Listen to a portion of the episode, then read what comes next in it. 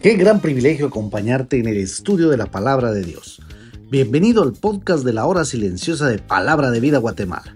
Descubriremos junto a ti los desafíos que Dios nos dará hoy a través de su palabra. Deseamos que hayas tomado un tiempo para leer con anticipación el pasaje del día de hoy.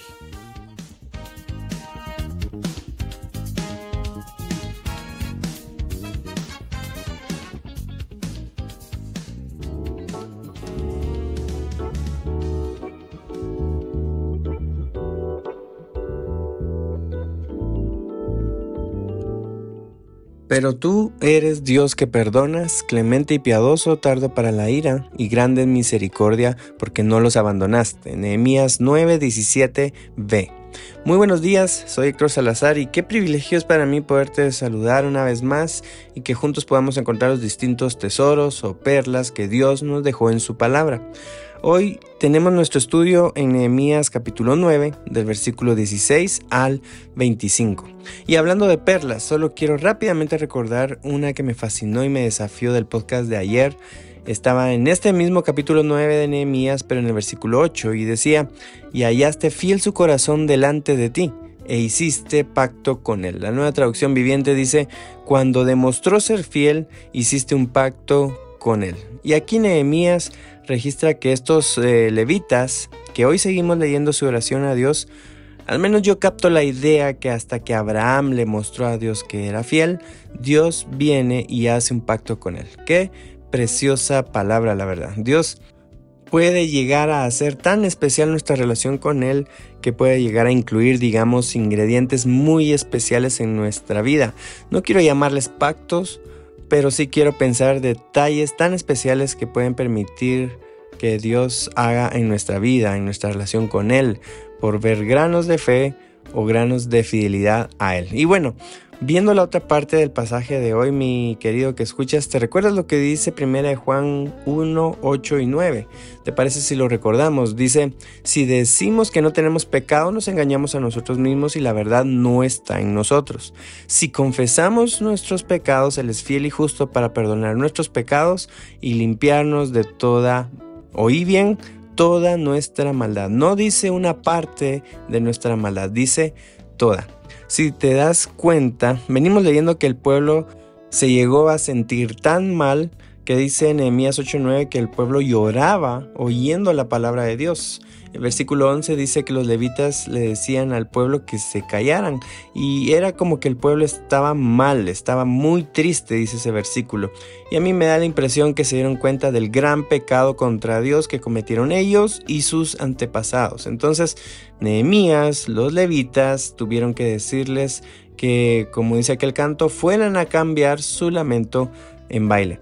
Pero todo esto para mí, y es lo que quiero compartir contigo, estos son los síntomas de un verdadero arrepentimiento por haber pecado delante de Dios.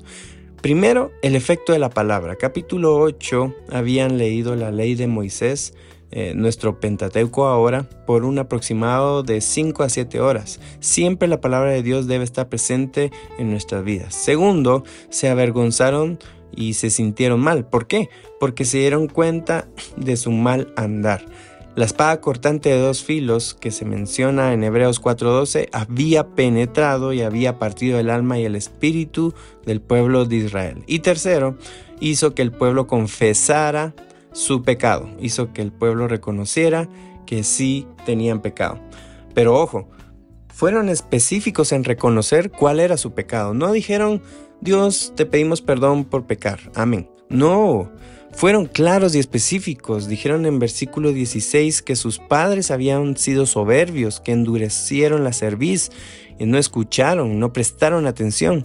La nueva traducción viviente dice que fueron arrogantes y tercos y eso que ayer acaban de decir que Dios había sido tan fiel y misericordioso por todas las formas que los bendijo. Versículo 17 sigue, eh, dice que no quisieron oír, no se acordaron de sus maravillas.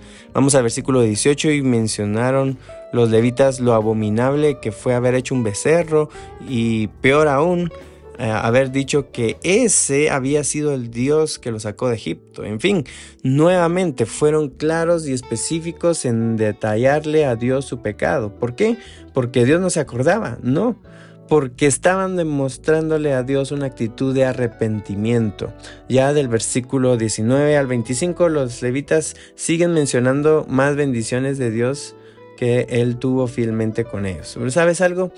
Dos cosas importantes aquí. Uno, el proceso del arrepentimiento, palabra de Dios, identificación del pecado y confesión, con detalle agregaría yo.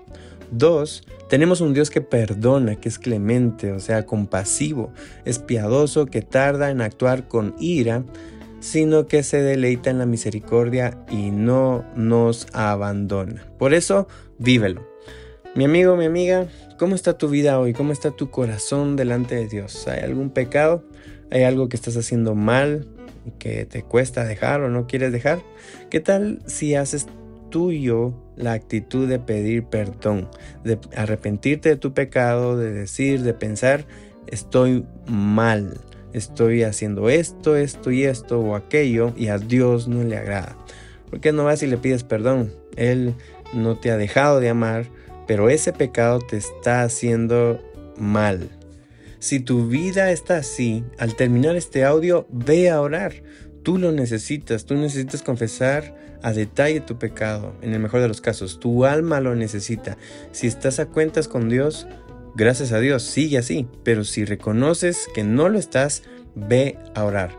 Lo mejor que puedes hacer cuando se está mal con Dios es ir a orar, confesar pecado y pedir perdón.